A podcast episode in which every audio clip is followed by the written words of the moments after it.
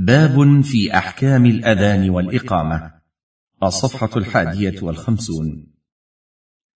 لما كانت الصلوات الخمس مؤقتة بأوقات معينة لا يجوز فعلها قبل دخول تلك الأوقات وكان الكثير من الناس لا يعرف دخول الوقت أو قد يكون مشغولا لا ينتبه لدخوله شرع الله الأذان للصلاة اعلاما بدخول وقتها. وقد شرع الأذان في السنة الأولى للهجرة النبوية. وسبب مشروعيته أنه لما عسر معرفة الأوقات عليهم تشاوروا في نصب علامة لها.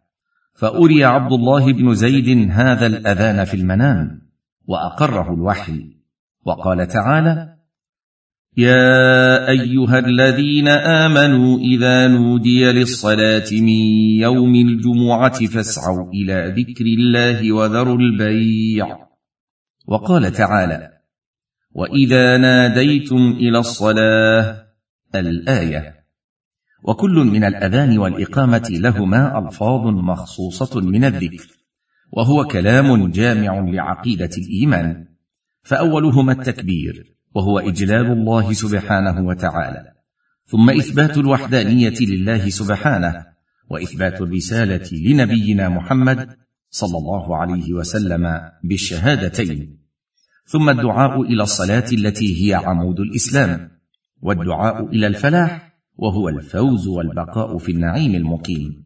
ثم يختمه بتكبير الله وإجلاله وكلمة الإخلاص التي هي من أفضل الذكر وأجله.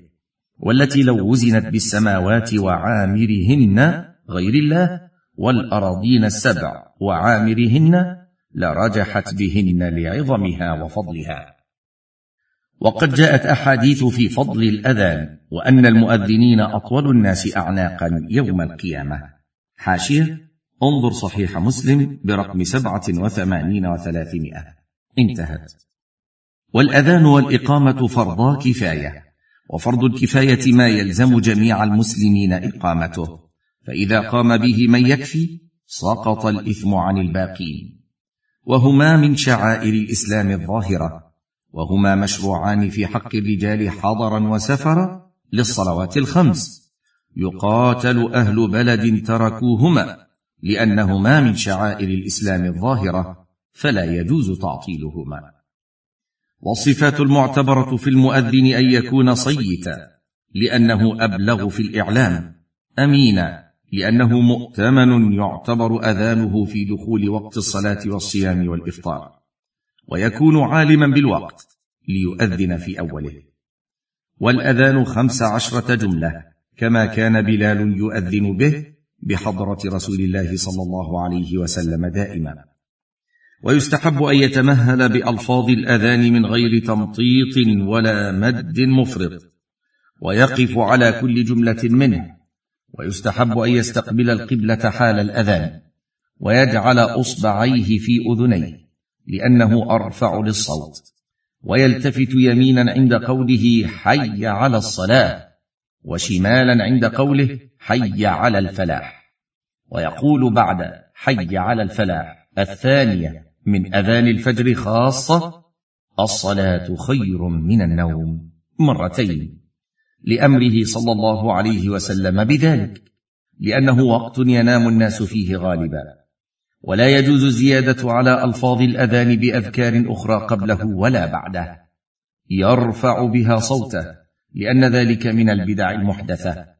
فكل ما يفعل غير الأذان الثابت عن رسول الله صلى الله عليه وسلم فهو بدعة محرمة كالتسبيح والنشيد والدعاء والصلاة والسلام على الرسول جهرا قبل الأذان أو بعده. كل ذلك محدث مبتدع يحرم فعله ويجب إنكاره على من فعله. والإقامة إحدى عشرة جملة يحذرها اي يسرع فيها. لأنها إعلام الحاضرين فلا داعي للترسل فيها.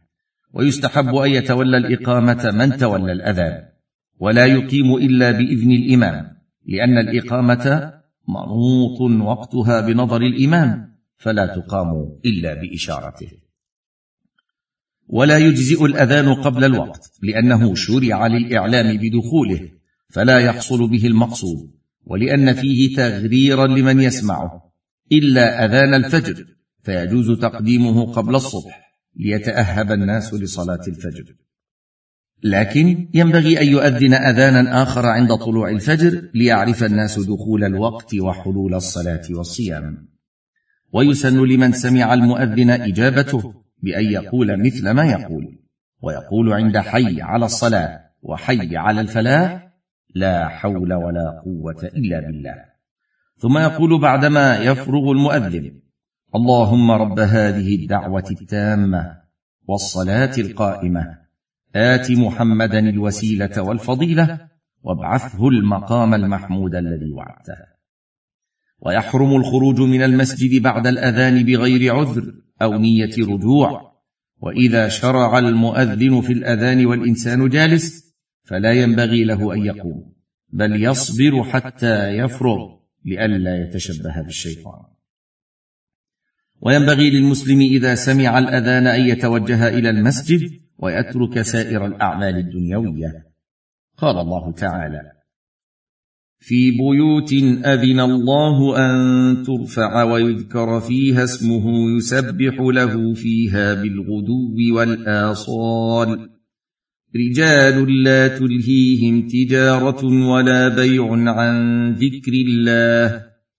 رجال لا تلهيهم تجارة ولا بيع عن ذكر الله وإقام الصلاة وإيتاء الزكاة يخافون يوما يخافون يوما تتقلب فيه القلوب والأبصار.